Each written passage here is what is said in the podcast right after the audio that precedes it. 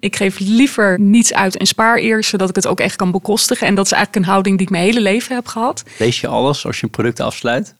Stiekem ook niet. Nee, erg Wel hè? heel eerlijk, dat ja, is wel, ja. vind ik wel sympathiek voor de podcast. Welkom bij Compliance Adviseert.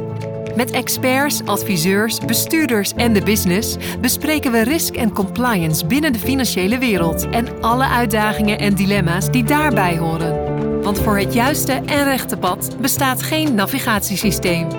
Deze podcast wordt mede mogelijk gemaakt door Jargis, Partner in Compliance, Deloitte en de Volksbank. Je host is Jeroen Broekema.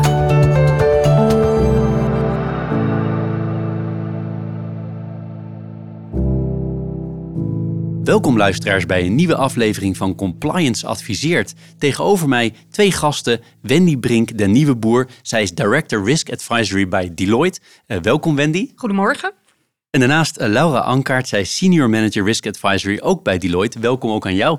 Goedemorgen. Leuk dat jullie er zijn. En het thema wat wij vandaag gaan bespreken is financial health en de zorgplicht. En wat dat nou eigenlijk betekent voor financiële instellingen. Ontzettend interessant onderwerp, denk ik. Er zitten ook een paar woorden in die we echt eens moeten, met elkaar moeten gaan bespreken zo meteen. Hè, van wat is nou financial health?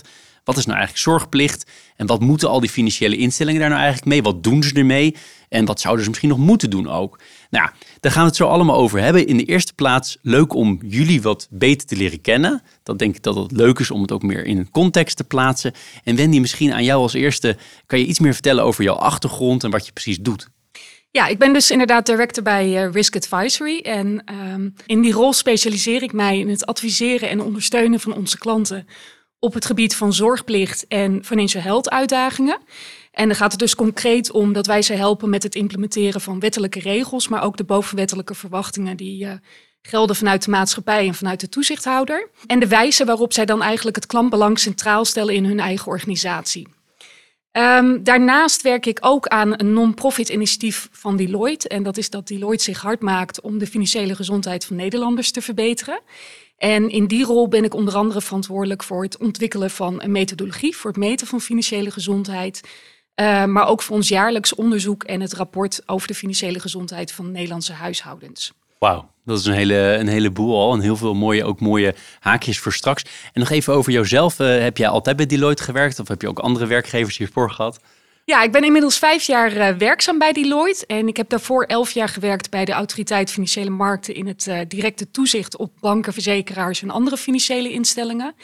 Ehm, en ik denk dat daar ook echt mijn passie vandaan komt voor dit onderwerp. Ik vind het belangrijk dat we mensen gelijke kansen geven in de samenleving, dat we ze helpen en ondersteunen waar nodig.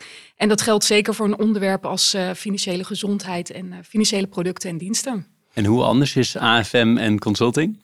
Ehm, dat valt op zich mee. Hè. Eh, we ook bij de AFM kwam ik natuurlijk bij veel instellingen, zag je veel van de markt. Eh, maar wat ontzettend leuk is, is dat we instellingen nu echt mogen helpen met het eh, inrichten als iets niet goed gaat. Hè? Want hoe los je het dan wel op en hoe, hoe pak je dat dan op in de praktijk? Eh, terwijl je bij de AFM echt in een toezichthoudende rol zit, eigenlijk alleen maar kan aangeven wat wel of niet goed gaat. En dan is het aan de verantwoordelijkheid van de instelling zelf om daar wat mee te doen. Je komt er vast nog wel eens, of niet? Ja, ja zeker. Kent er nog, kent er nog genoeg mensen. Leuk, leuk dat je er bent. Laura, over naar, naar jou. Misschien kan je ook wel iets meer over jezelf vertellen. Zou ik leuk vinden. Ja, ik eh, ben inderdaad senior manager bij het Risk Advisory Team en eh, geef samen met Wendy invulling aan het zorgplichtteam daar. Ik ben zelf eh, intussen kleine 15 jaar denk ik aan het werk in de financiële sector en ik ben begonnen als advocaat.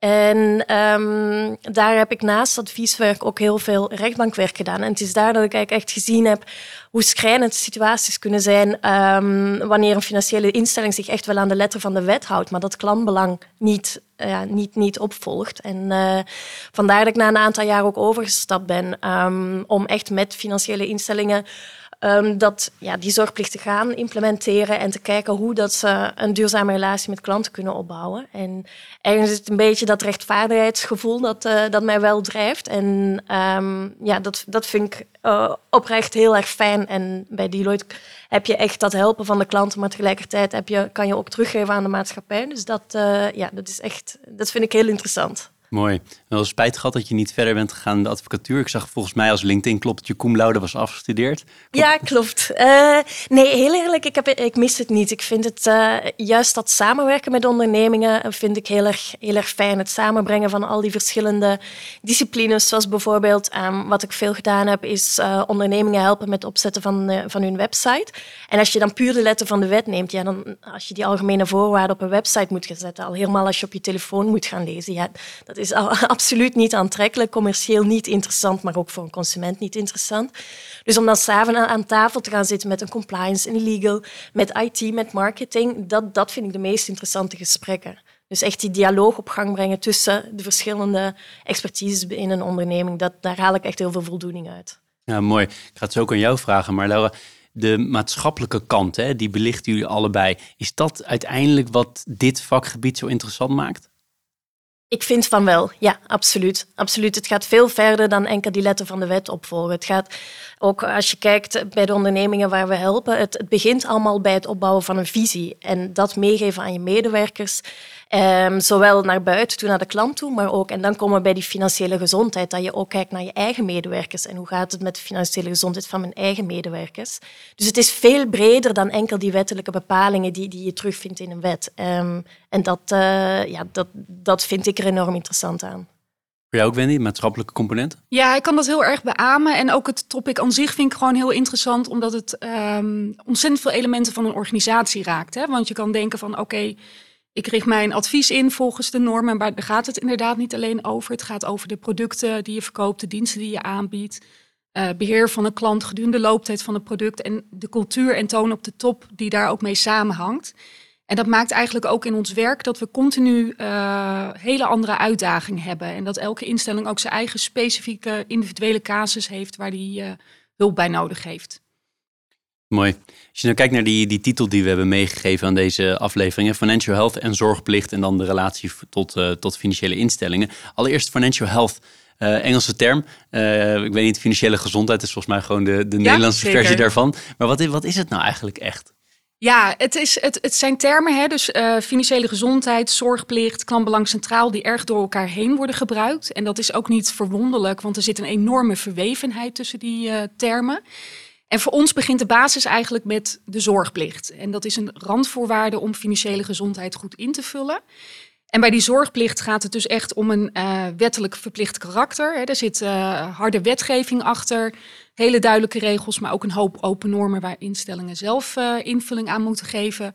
En er zit ook een stuk bij waar het gaat over bovenwettelijke verwachtingen. En daar zit geen harde regelgeving achter, maar dat zijn wel verwachtingen vanuit een toezichthouder of vanuit de maatschappij die ook nog worden, ja, als het ware, worden opgelegd aan die financiële instellingen dan begin je eigenlijk al in die scheidslijn te komen van, nou, de groei eigenlijk al naar financiële gezondheid toe.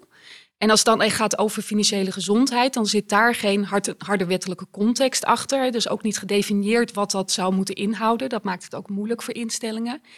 En dan zie je dus eigenlijk dat um, instellingen daar op een hele diverse manier invulling aan geven. Dus je hebt partijen die zeggen, nou, wij gaan kijken of we klanten kunnen helpen met het nutje om te gaan sparen. Er zijn ook partijen die zeggen, nou wij richten ons op hele uh, kwetsbare doelgroepen en wij gaan bijvoorbeeld vrouwen stimuleren om echt onderdeel te worden van uh, gesprekken over hun financiën en niet alleen maar die man aanspreken. En zo komt er eigenlijk een hele diversiteit aan invulling uh, bij. En je zou eigenlijk kunnen zeggen, hè, ik wil het straks zeker hebben over die zorgplicht en de klant centraal zijn en wat financiële instellingen allemaal nog extra doen. Hè? Boven die, wat jij noemt de bovenwettelijke eisen noem ik het. Of ja. de eisen die ze aan zichzelf opleggen. Hè? Dat kan natuurlijk ook. Uh, wat ze zelf belangrijk vinden. Maar nog even, de financial health term is eigenlijk heel breed. Hè? Gaat het gewoon goed met je als mens in financiële termen? En dat heeft natuurlijk enorm veel raakvlakken met of het goed gaat met je overal. Ik wil zeker niet beweren dat als je veel geld hebt, dat alle problemen uit de weg zijn.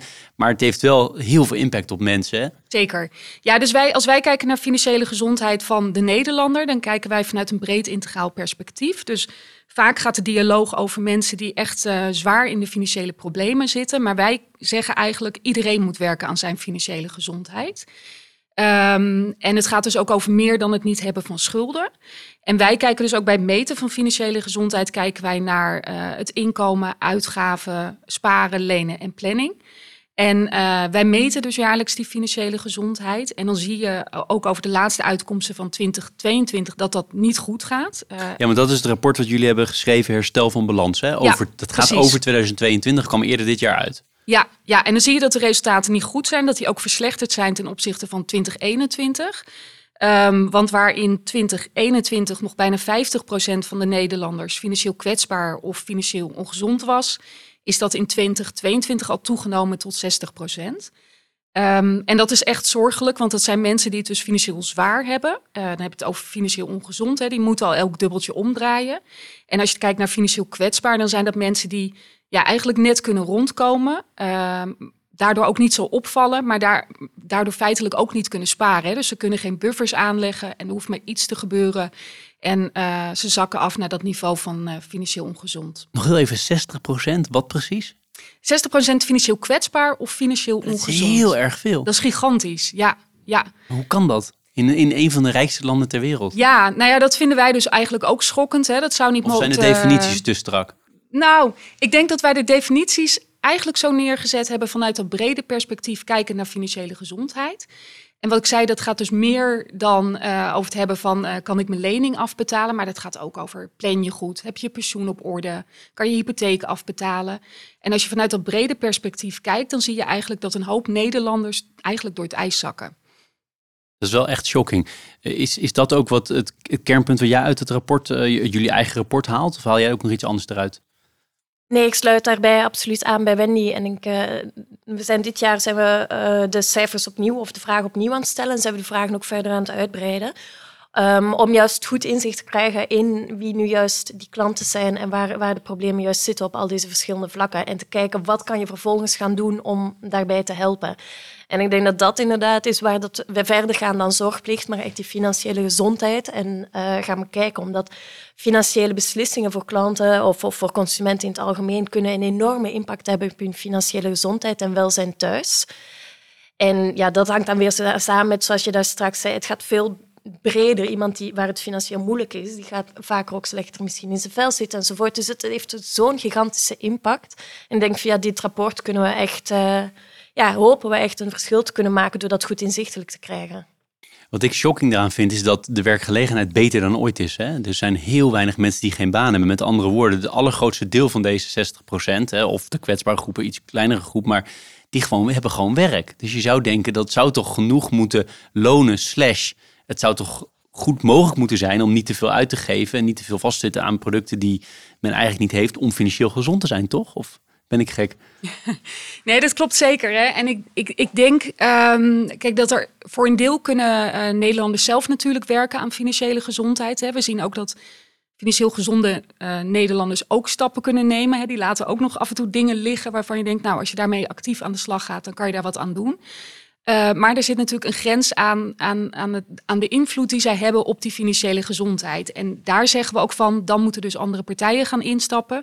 En dan heb je het over overheid, dan heb je het uh, over educatieve instellingen, maar dan heb je het dus ook over financiële instellingen, die ook moeten nagaan van, ondersteun ik nou echt die financiële gezondheid of doe ik daar misschien toch op enige wijze afbreuk aan?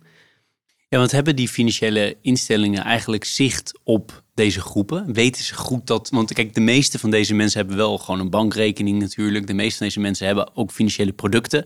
Was het maar een spaarrekening of een betaalrekening of hè, vaak ook nog hypotheek natuurlijk. Um, maar weten de banken wie deze groepen zijn eigenlijk? Hebben ze dat goed in zicht? Um, kijk, ik denk meer en meer. Hè. Dus door het brede onderzoek zien we dat er echt kwetsbare groepen zijn. Zoals jongeren, vrouwen, alleenstaanden. Alleen wat ik denk dat voor een bank en andere financiële instellingen ontzettend moeilijk inzichtelijk te maken is, is op basis van hun portefeuille met zulke grote aantallen uh, te kwalificeren eigenlijk van wie is nou kwetsbaar. Hè? Daar, daar moet überhaupt een definitie voor geformuleerd worden van wat, wat vinden we dan kwetsbaar als bank. En hoe kunnen we dan datapunten ook formuleren om eigenlijk die portefeuille te kunnen destilleren op basis van kwantitatieve meetpunten. En dat is heel lastig, want hoe ga je een, ja, een kwalitatief iets meetbaar maken en inzichtelijk? Um, nou, we zien dat dat vaak moeilijk voor ze is. We zien dat ook vaak al bij de reguliere zorgplichtrisico's. En daardoor zien we ook vaak dat men niet of te weinig preventief aan, het, aan de slag is met kwetsbare groepen of zorgplicht. En vaak overvallen wordt als er dan zich ineens een probleem uh, voortdoet in die portefeuilles.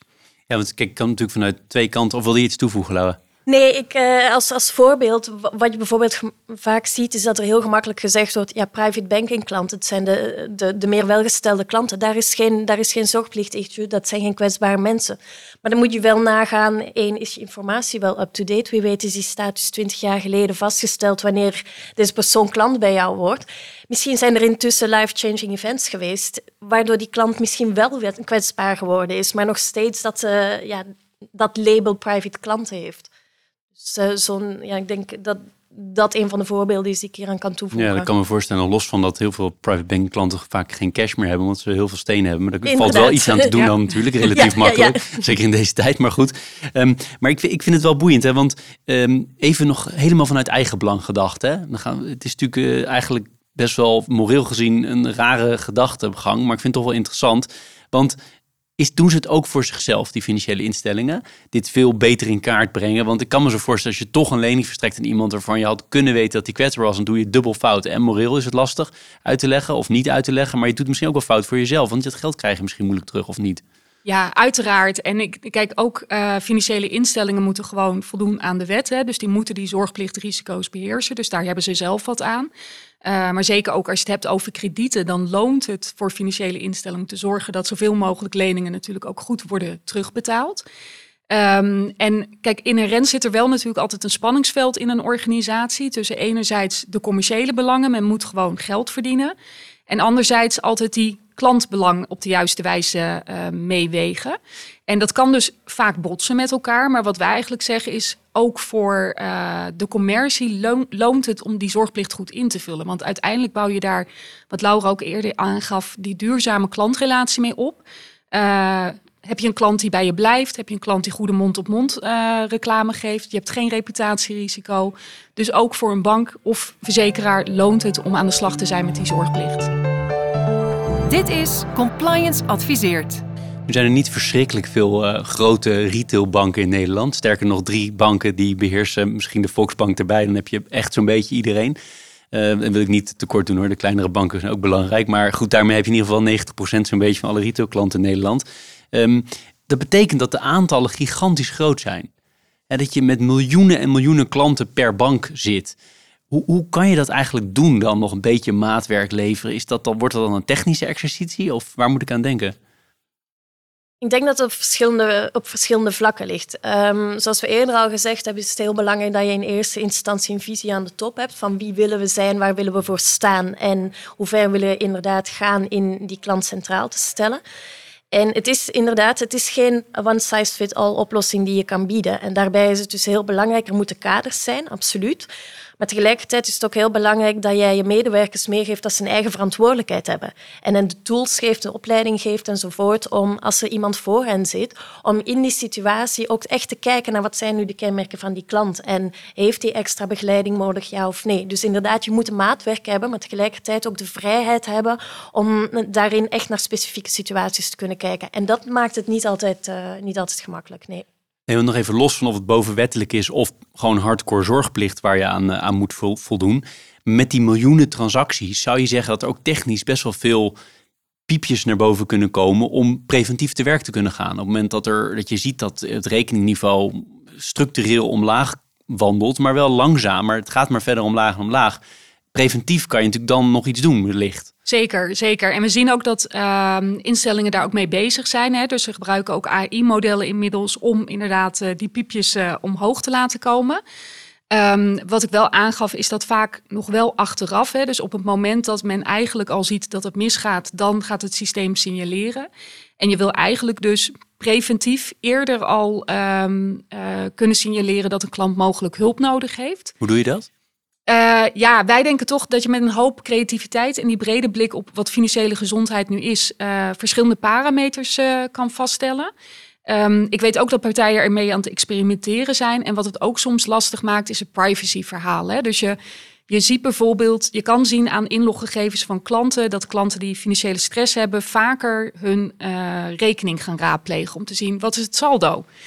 dat doen ze ook vaker s'avonds. Dus daar dat is informatie waar je best wat mee zou kunnen als, uh, als bank bijvoorbeeld. Uh, maar je moet ook afwegen van wat doet dat met de privacy van consumenten. Ja, laat staan dat je er Facebook, Instagram, LinkedIn data aan gaat toevoegen. Precies. Waardoor je bijna, ja, volgens mij kan je op basis van, als ik altijd zie als ik uh, gasten voorbereid, wat je allemaal kan vinden. Ja. Je weet vrij snel wat iemands politieke voorkeur is, waar die ongeveer woont. Nou, als je een postcode kom je ook wel achter. Kijk, als je wil, kun je natuurlijk ongelooflijk veel tegenwoordig van mensen weten. Maar wil je dat inderdaad als bank? Precies. En het is ook soms de vraag, willen klanten dat ook wel? Hè? Uh, en dat is ook vaak de worsteling en de gesprekken die wij ook hebben met uh, marktpartijen. Dan zeggen ze ja, wij zien best wat gebeuren, maar we willen eigenlijk die klant niet lastigvallen. Dat vindt de klant betuttelend. Ik denk dat daar soms ook nog wel iets te makkelijk de aanname wordt gedaan dat een klant dat vervelend vindt. Je kan natuurlijk op verschillende manieren zo'n uh, gesprek met een klant vinden, beginnen. Soms vindt het juist ook heel fijn, omdat ze het zelf niet aandurfden te geven bij zo'n bank. Um, maar dat is dus wel een afweging maken tussen die verschillende componenten. Dan de tussen aanhalingstekens hardere kant van de zorgplicht. Gewoon de harde eisen vanuit de wet. Zijn banken veel in de problemen met de zorgplicht? Met andere woorden, zijn er heel veel casussen bij het KIFIT? Zijn er nog veel, heel veel andere problemen of valt het wel mee als het gaat om al die grote aantallen? Um, ja, ik denk helaas dat er nog steeds problemen zijn. Um, ik denk, we hebben natuurlijk een aantal grote productaffaires gehad. Hè? Natuurlijk de beleggingsverzekeringen bij verzekeraars, het rentederivatendossier. Uh, en nu recent is er inderdaad een Kivit-uitspraak, uh, of inmiddels al een tijdje geweest, op uh, de informatieverstrekking rondom variabele rente. en moeten marktpartijen klanten comp compenseren omdat ze niet duidelijk zijn geweest over wanneer hun variabele rente zou stijgen en hoe. Um, en dan zie je toch dat er dus ondanks al die elementen van klantbelang centraal en zorgplicht, dat het toch ook nog steeds mis kan gaan. En um, ik, ik, denk wat daar vaak debit aan is, is dat men uh, niet altijd doorheeft wat er dus in die oude portefeuilles zit, maar ook niet altijd doorheeft hoe de normen in de maatschappij veranderen en hoe die verwachtingen steeds hoger worden. Um, terwijl je tegelijkertijd producten hebt die je bijvoorbeeld tien jaar geleden hebt afgesloten. En dan zou je eigenlijk ook pro proactief moeten blijven kijken van wat betekent dit voor mijn gehele portefeuille, niet alleen voor nieuwe verkoop maar ook voor uh, onze eerder verkochte producten. En vinden we dat dan ook nog oké? Of moeten we daar misschien bepaalde aanpassingen gaan doen? Um, en denk soms ook door dat gebrek aan inzicht in die portefeuilles um, overkomt het ze dus ook. Hè? Want er zitten gewoon nog steeds zorgplicht-issues in, in die portefeuilles. Dat is interessant, want aan de ene kant ben je dus bezig, de, veel banken zijn bezig, denk ik, en, en andere financiële instellingen om ook bovenwettelijk om veel meer te doen. En tegelijkertijd hebben ze dus ook te maken met gewoon grote dossiers waar, waar ze op duizenden en duizenden klanten nat gaan tussen aanhalingstekens. Dat lijkt me heel lastig als bank. Als je aan de ene kant probeert het beter te doen en aan de andere kant word je aan, eh, heb je toch ook constant issues en terecht waarschijnlijk. Ja, en daarmee dat wij ook zeggen, ze zijn onlosmakelijk met elkaar verbonden. En je kan niet uh, je hard maken voor financiële gezondheid als je niet je eigen zorgplicht uh, in orde hebt. Dus uh, dat, is, uh, ja, dat is wel een heel belangrijke voorwaarde. Ja, sterker nog, je eigen zorgplicht op orde hebben is misschien waar je helemaal op moet focussen eerst, voordat je nog extra dingen wil gaan doen. Of is dat te simpel gedacht?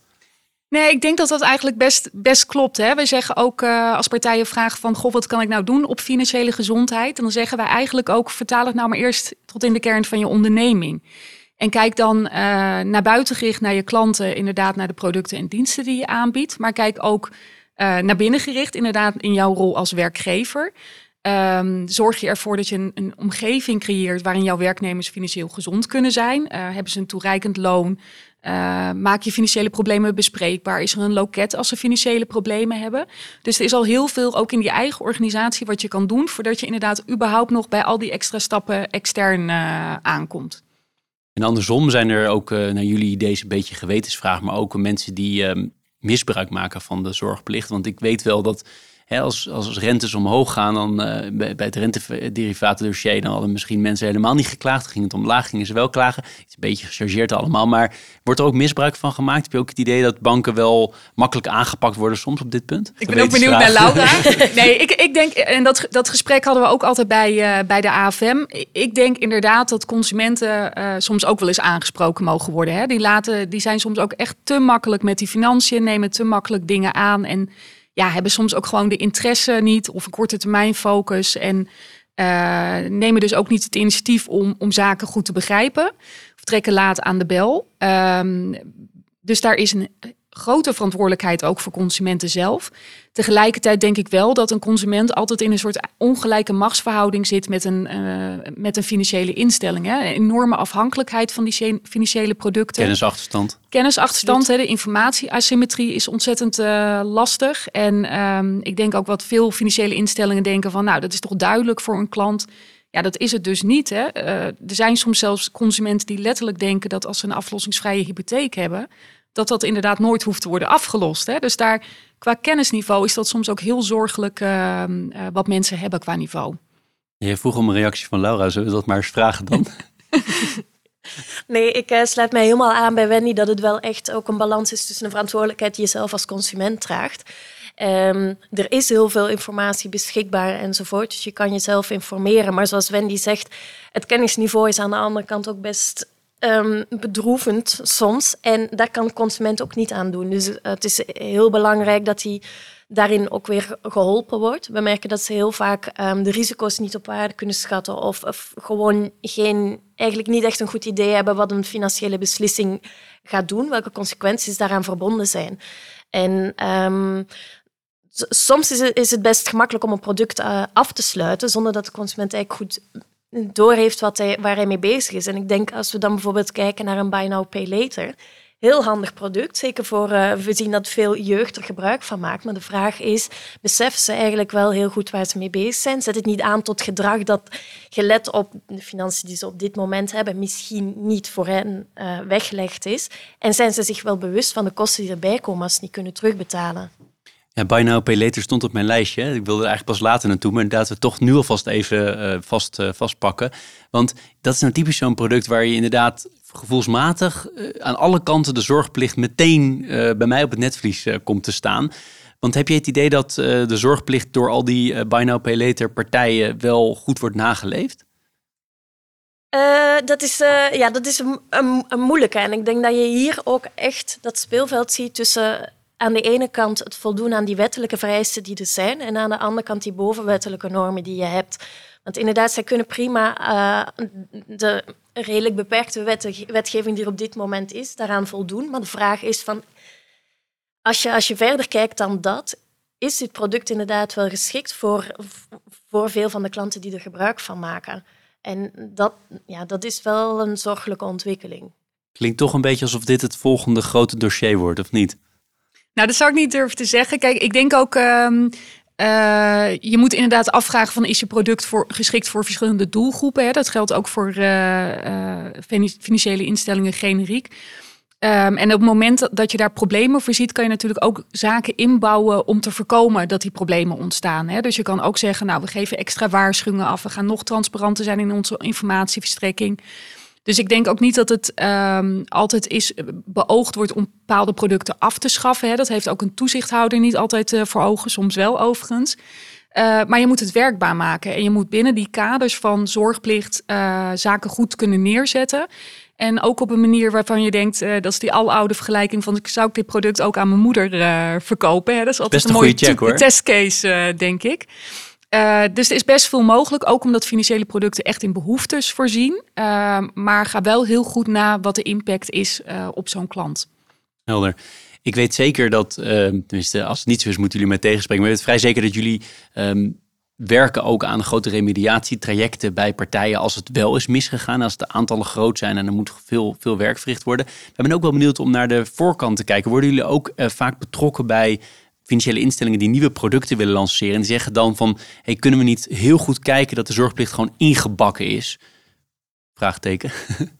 Ja, dat klopt. Dat klopt. Hè. Dus uh, je ziet uh, dat men steeds meer producten in, innoveert. En ook klantjourneys worden steeds meer digitaal gemaakt. Nou, dat brengt heel veel voordelen met zich mee. Um, en waar men dan vaak mee worstelt is inderdaad van, nou, hoe, hoe zetten we dat neer binnen de kaders? En we zien daar ook vaak dat uh, uh, een second line uh, echt een ander DNA heeft dan de innoveerders binnen zo'n organisatie. Hè? Dus die praten eigenlijk heel moeilijk met elkaar, betrekken elkaar soms ook te laat. En dan zie je dat een, uh, een second line soms wat rigide wordt. Hè? Die zeggen eigenlijk alleen maar nee, dit kan niet. Terwijl je eigenlijk wilt dat je met de business nadenkt over hoe kunnen we het wel laten werken in gezonde, goede kaders waarin dat klantbelang ook wordt geborgd. Maar dat vereist dus wel ook soms een out-of-the-box mentaliteit, uh, meedenken over de mogelijkheden. En we denken ook dat uh, ja, die, die second line en de business elkaar daar nog veel beter in kunnen vinden, ondanks dat, uh, dat verschil in DNA. Um, nou, en daar spelen wij dan soms ook een rol in om, om daar, daarin te helpen en het ook goed neer te zetten. Interessant. Jullie hadden het beide ook volgens mij, of in ieder geval een van jullie, over toon at de top. Hè? Zien jullie nou grote verschillen in Nederland als het gaat om die financiële instellingen? Toon at de top, ik hoef niet te nemen en shamen, maar ik ben gewoon benieuwd, zijn er grote verschillen hoe er over gepraat wordt? Ja, ontzettend. Um, wat we helaas nog steeds zien is, uh, als het gaat over die visie ook, waaraan gerefereerd wordt, dat er partijen zijn die eigenlijk nog steeds heel nauw aan de wet varen. Um, die eigenlijk zeggen, ja, we gaan toch voor een minimale invulling van die zorgplicht. Hè. Dat zien ze ook ja, soms meer als een obstakel uh, dan iets wat een integraal onderdeel van hun onderneming hoort te zijn. Uh, gelukkig wordt dat wel steeds minder en minder. En we zien... Gedreven, sorry dat ik je onderbreek, maar gedreven uit dat mensen dat echt anders willen doen? Of gedreven uit het feit, zoals in het AML-dossier, waar je gewoon persoonlijk aangepakt gaat worden door het strafrecht? Ja, ik denk een combinatie. Hè? Dus, dus ze moeten, maar ik denk ook uh, dat we ook niet moeten vergeten dat er ook heel veel uh, medewerkers zijn binnen die financiële instellingen en ook aan de top, hè, die ontzettend graag willen, maar soms ook niet altijd weten hoe. Um, en uh, daar is het dus wel nodig dat die duidelijke visie wordt neergezet, uh, wordt vertaald naar de organisatie, zodat ook medewerkers op de werkvloer weten welke kansen op moeten. En hoe belangrijk nou die zorgplicht is. En dat gaat over een heleboel verschillende elementen. Dat gaat over je beloningsbeleid. Uh, maar dat gaat letterlijk ook over welke medewerker geef je nou het schouderklopje. Is dat de, de uber-commerciële man of is dat iemand die ook altijd let op de kwaliteit? Kan trouwens ook gecombineerd worden. En uh, daar zijn mond over open doet. Dat kan enorm verschil maken.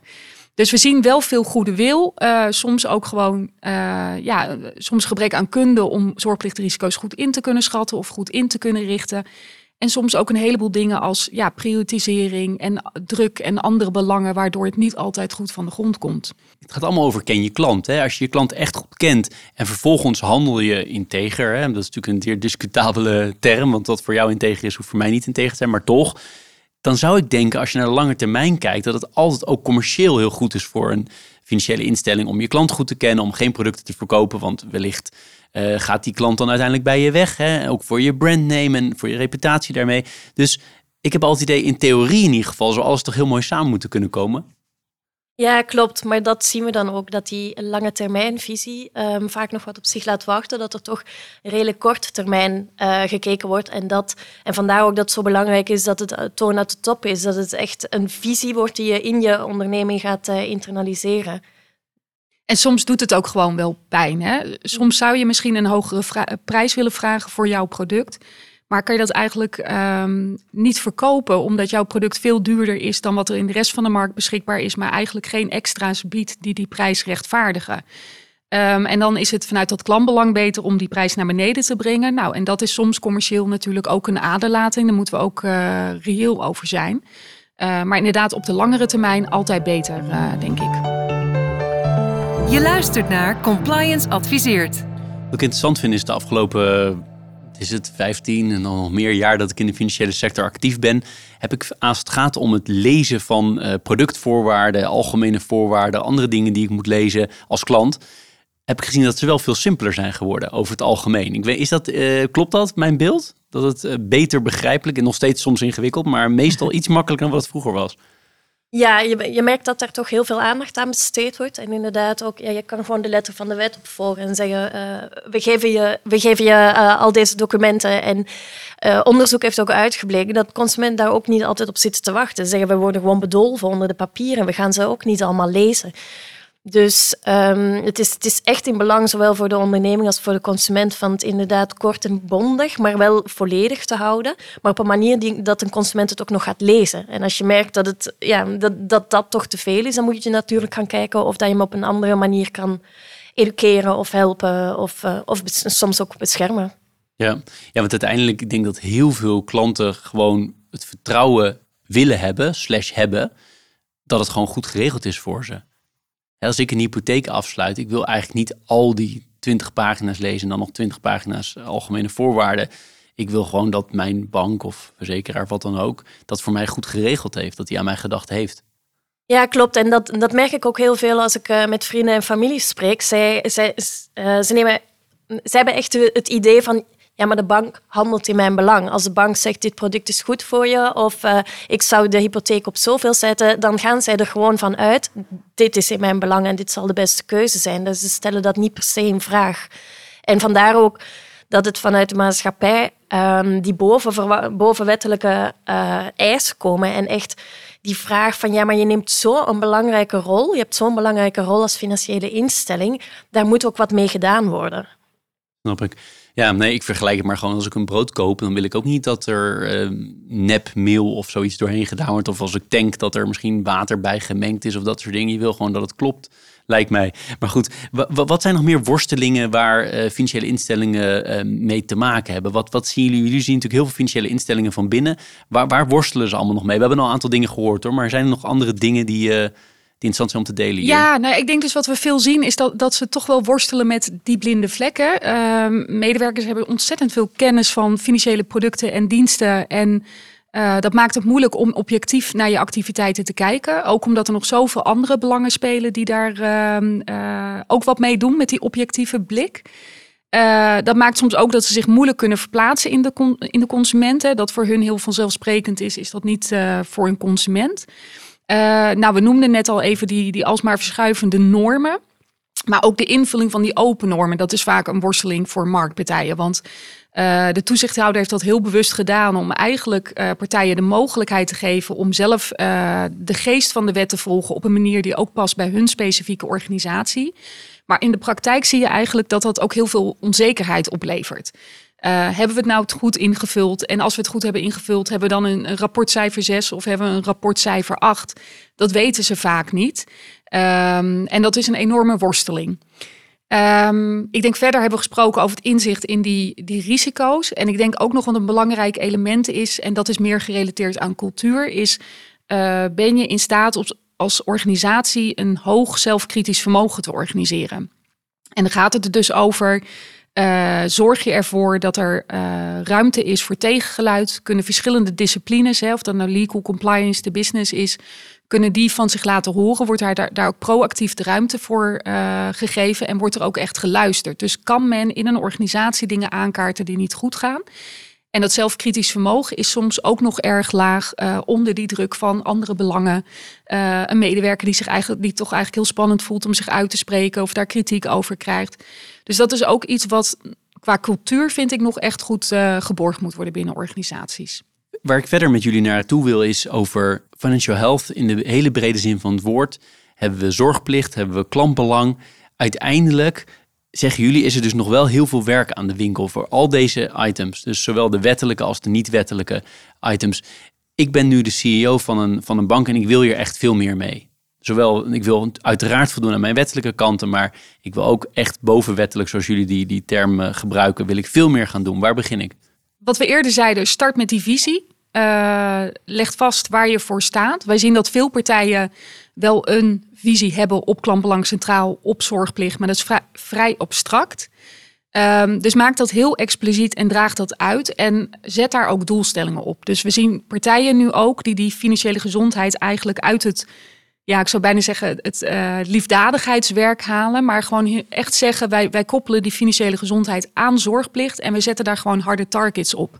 Want waar je uiteindelijk op stuurt, dat is ook wat je krijgt als organisatie. Ja, wat is een hard target in deze? Nou, die maken bijvoorbeeld echt concreet dat zij uh, in hun portefeuille uh, een x-percentage klanten willen hebben met een, uh, een specifiek hoogte van spaarbedragen. dus dat ze zeggen, wij vinden het belangrijk dat klanten buffers hebben. Dus wij gaan klanten stimuleren om die buffers uh, ook aan te leggen. En daar zetten we harde doelstellingen op. Of we zeggen wij willen dat over x jaar zoveel procent van onze klantenportefeuille financieel gezond is.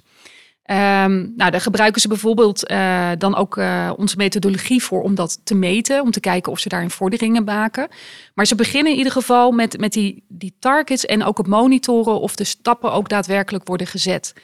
En dat haalt het vrijblijvende af. Uh, we zien ook nog organisaties die met alle goede intenties uh, één persoon beschikbaar hebben die verantwoordelijk is voor financiële gezondheid. En dan letterlijk afhankelijk van de vrijwilligheid van werknemers om bepaalde initiatieven te ondernemen. Uh, en dan heeft het ook veel meer een incidenteel karakter. En nu bouwen ze echt aan dat structureel positioneren van dat onderwerp. En ik denk dat dat een hele belangrijke eerste stap is om echt te gaan zorgen dat je, dat je er ook wat mee gaat doen. En dat het niet blijft van bij, mij, bij mooie woorden eigenlijk. Hier kan ik mee aan de slag. Mooi. Um, richting het einde uh, toewerkende ben ik even benieuwd naar Deloitte en jullie privé, hè, als het gaat om financial health. Hoe gaat het met de financial health van Deloitte? En dan bedoel ik natuurlijk niet hoe het met jullie gaat als onderneming, maar met jullie medewerkers en collega's. Hebben jullie het idee dat dit ook leeft in jullie organisatie? Dat er mensen zijn die misschien moeilijk uh, rond kunnen komen of te veel uitgeven of anderszins financieel in de problemen komen? Ja, ik denk dat dat uh, ook bij ons leeft. Um, wij zijn twee jaar geleden gestart met het initiatief van financiële gezondheid en hebben ook uh, mede de werkgeverscoalitie opgericht, Nationale Coalitie voor Werknemers. En daarin hebben wij ons ook gecommitteerd om aan de slag te gaan met die financiële gezondheid van onze werknemers. Hè. Wij moeten daar ook het goede voorbeeld uh, in En dan geef eens wat voorbeelden wat je dan kan doen. Of wat doen ehm, jullie doen? Nou, dus waar wij ook mee gestart zijn, is dat we om onze eigen medewerkers hebben gemeten van hoe, hoe staan ze er dan voor uh, qua financiële gezondheid. Dan is dat overwegend wel echt een positiever beeld. Ik weet niet de exacte uitkomst uit mijn hoofd dan de Nederlandse maatschappij. En dat wilden ze ook wel delen. Ja, dat wilden ze ook uh, doen, geanonimiseerd uh, uiteraard. Uh, maar we hebben bijvoorbeeld ook health coaches opgeleid. En dat zijn gewoon medewerkers bij ons op de werkvloer, waar mensen dus naartoe kunnen gaan als ze financiële problemen hebben. En dan blijkt toch, nadat wij die initiatieven aan het nemen zijn, dat wij ook medewerkers hebben met aandachtspunten. Hè? Noem eens iets wat, wat vaker terugkwam. Dat vind ik wel interessant, hè? want er, er wordt natuurlijk best oké verdiend hè? Bij, jullie, bij jullie collega's. Dus daar zal primair niet aan liggen, denk ik. Dus noem eens een onderwerp waarvan je zegt, nou, dat zou ze toch... Ja, dat, dat is toch het, het uitkomen met het inkomen uh, versus de uitgaven. En we hebben heel veel jonge medewerkers in dienst. Um, en die zitten vaak met hoge woonlasten. Uh, hebben een goed inkomen, maar dat inkomen moet natuurlijk ook nog stijgen. Hè. Dat, wij zien ook uit het onderzoek blijkt ook dat jongeren echt financieel ongezonder zijn dan gemiddeld Nederland. Dus die worstelen nog heel erg met dingen als de huur. Ehm, zijn ook vaak mensen die ook gewoon het leuk vinden om naar uh, dure concerten te gaan. Toch het, het koffietje elke dag. En ongemerkt stapelt dat op tot hoge uitgaven. En dan is het soms moeilijk om weer te maken. Ja, ja, maar ook wel soms gewoon het uitkomen überhaupt met je inkomen versus je uitgaven. Überhaupt, oké. Ja, ik kan me voorstellen dat je, als je jong bent, je bent net begonnen met werken, je hebt een leuke baan, dat je denkt, nou ja, buffer, waar heb ik het eigenlijk voor nodig? En dan ja. nog niet weten dat je op een bepaald moment misschien gaat trouwen, misschien kinderen komen, of dat er misschien gewoon dingen kapot gaan, of je baan kwijtraakt, of ja, iets anders tegen zit. Ja, we hebben veel medewerkers ook die wonen in Amsterdam. Nou, dat is ook geen goedkope stad, hè? dus je huislasten zijn vaak al hoog. En dan uh, ja, is het net als bij andere werknemers, bij andere organisaties soms lastig om het rond te krijgen. Uh, wat wij wel minder hebben, gelukkig, is uh, bijvoorbeeld mensen die echt in, uh, in de schuldsanering zitten. En we weten dat andere werkgevers dat bijvoorbeeld natuurlijk ook tegenkomen. En dat is, dat is natuurlijk heel fijn dat dat niet zo is. Maar ook, ook wij vinden dat we nog meer moeten gaan doen om onszelf daar als goed werkgever neer te zetten. En ik wil jullie allebei vragen, misschien eerst toen ik met jou op dit moment aan het ja. praten ben.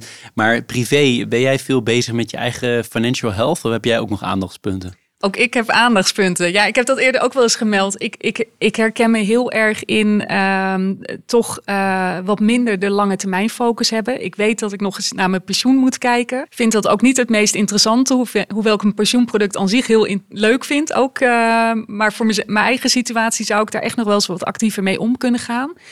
Um, maar ik, ik, herken wel het beeld ook wat uit ons onderzoek komt over vrouwen, is dat ik wel heel spaargericht ben. Ik geef liever uh, niets uit en spaar eerst, zodat ik het ook echt kan bekostigen. En dat is eigenlijk een houding die ik mijn hele leven heb gehad. En dat helpt ook wel, denk ik, in het uh, financieel gezond zijn. En dan lees je alles als je een product afsluit? Stiekem ook niet. Nee, erg wel heel eerlijk. Dat ja, is wel, ja. ik wel sympathiek voor de podcast. Hoe zit het bij jou? Ja, ik, hetzelfde als bij Wendy. Voor mij zijn er zeker ook aandachtspunten. En zeker als ik kijk naar, naar die lange, lange termijn. Um, verder, ja, het is misschien al te horen aan mijn accent. Ik uh, kom uit België en ik heb nu wel het geluk dat ik uh, de, ja, de financiële wetgeving en zo ken. Maar ik moet zeggen, de, naar Nederland komen is voor mij op dat vlak ook niet zo gemakkelijk geweest. Want het zit weer allemaal anders in elkaar. Informatie is toch nog vaak zoek. Het uh, gebruik van veel andere woorden dan dat ik gewoon ben. Dus zelf, zelf ik moet heel vaak opzoeken waar gaat het nu juist over. En uh, dan kan ik mij inbeelden dat dat voor andere mensen die, die misschien ook niet Nederlands spreken zo heel moeilijk is. Dus ik merk dat ik daar de laatste jaren best wel tegen aangelopen ben. En ja, dat, dat dat een extra uitdaging vormt. En brengt het cultureel nog iets met zich mee als het gaat bijvoorbeeld om sparen? Zijn Belgen meer aan het sparen voor je gevoel? Of Nederlanders juist? Heb je nog cultureel een verschil wat interessant is om te delen? Um, ik vind ja, zeker cultureel verschil. Ik heb de indruk dat uh, Belgen uh, wat minder trouw aan hun bank zijn. Dat ze heel gemakkelijk hoppen. Ah, dat is interessant. Ja, dat dat... ja, en dat er hier dan toch mensen sneller een, een band hebben. En vandaar ook het belang dat, dat de banken en daarmee bezig zijn met die duurzame band op te, houden, te behouden. Maar ik zie in België dat we werkelijk de gewoonte hebben, als het daar 0,1% beter is, dan gaan we van bank veranderen. Of, ja. Ja, dat zien we hier niet. en, en qua toezicht, Laura, strenger of minder streng? Uh, anders. Uh, ik vind wel, en um, FSMA, wat de Belgische toezichthouder is, geeft, um, heeft, heeft daar echt een hele evolutie in gemaakt. Dat ze zeker op zorgplichtvakken heel veel uh, guidelines zijn beginnen geven, maar die ja, soms slaagt het ook wel een beetje door. Als, in, als je bijvoorbeeld kijkt naar wat je met een website mag doen, staat letterlijk vast in de guidelines van de FSMA van dit moet het lettertype zijn, dit moet erop, je, je, ik, ik wil het product uh, knop, die moet hier staan, die mag niet daar staan enzovoort. Dus um, het laat iets minder vrijheid, maar aan de andere kant denk ik dat het voor banken vaak gemakkelijker is, omdat het wel heel veel handvaten geeft en dat je daar hier soms nogal zoekende in bent. Wij stellen bij uh, Compliance Adviseert altijd uh, helemaal op het einde of bijna helemaal op het einde de vraag: heb je tips voor compliance officers? Hè? Toch de belangrijkste doelgroep onder, onder mijn luisteraars. Heb je tips voor die compliance officer bij een financiële instelling? Ja, ik, ik denk dan meteen als. Uh, kijk, compliance officer moet natuurlijk goed nagaan of, of de regels goed geïmplementeerd zijn. Maar ik denk dat ehm, bij zorgplicht zo'n compliance officer een unieke rol heeft om uh, de gevoelens binnen de samenleving en die leven bij een toezichthouder te vertalen naar de business. Uh, en tijdig aan te voelen van hè, het gaat nu van een soort optionele wens. Hè. De AFM roept iets over een financiële APK om als voorbeeld te geven. Maar dat begint nu toch echt concreet te worden en daar moeten we proactief uh, stappen op ondernemen. Dus juist die signalerende functie. ik denk dat compliance die vaak nog wel iets meer mag laten zien in hun dagelijks werk. Ja, daar sluit ik mij bij aan. Ga absoluut, ga die dialoog ook aan met je medewerkers en met je, uh, met je andere collega's. En geef hen ook het vertrouwen en um, maak hen echt bewust dat ze ook een eigen verantwoordelijkheid, uh, verantwoordelijkheid dragen. En creëer de kaders zodat ze die verantwoordelijkheid ook kunnen nemen. Ik hoop als jullie dit onderzoek, eh, wat jullie eerder dit jaar gedaan hebben, weer doen, dat het beter wordt. Ik maak me wel enigszins zorgen over als de werkeloosheid gaat toenemen. Want het is natuurlijk een van de beste situaties waarin we ooit verkeerd hebben in Nederland als het gaat om werkeloosheid. Relatief weinig mensen die geen baan hebben. Als dat anders wordt, dan maak ik me daar zorgen over. Gezien het feit dat jullie al zulke toch wel iets wat beangstigende cijfers hebben gedeeld hier. Maar goed, mijn laatste vraag aan jullie is: is er nog iets waarvan je zegt dat had ik heel graag willen delen hier en dat hebben we gemist, Jeroen? Dat had je echt moeten vragen of dat wil ik nog graag toevoegen hier. Ik denk dat we redelijk compleet uh, zijn Inderdaad, geweest. Uh, ja. Ja. Mooi. En dan rest mij jullie heel hartelijk uh, te danken. En ik wijs nu naar, kunnen luisteraars niet zien, maar ik heb zo meteen een klein uh, cadeautje voor jullie meegenomen. Ah, leuk. Dankjewel. Als uh, dank voor jullie tijd en voorbereiding voor dit gesprek. Ontzettend interessant om hierover te hebben. Heel belangrijk onderwerp, zowel maatschappelijk als puur praktisch in de praktijk van de compliance officer en in de praktijk van financiële instellingen. Dus heel veel dank Wendy Brink, de nieuwe boer, director Risk Advisory bij Deloitte en Laura Ankaart, senior manager Risk Advisory, ook bij Deloitte. Veel dank voor jullie tijd. Ja, bedankt. Dankjewel. Je luisterde naar Compliance Adviseert. Deze podcast werd mede mogelijk gemaakt door Hierarchis, Partner in Compliance, Deloitte en de Volksbank. Meer weten of een reactie achterlaten? Dat kan op onze LinkedIn. Als je ons daar volgt, ben je bovendien altijd op de hoogte van nieuwe afleveringen. Natuurlijk zijn we je zeer dankbaar als je een review achterlaat en meer mensen vertelt over deze podcast. Vergeet ook niet te kijken naar de andere podcasts op ons kanaal. Er zit vast iets tussen dat je aanspreekt. Bedankt voor het luisteren.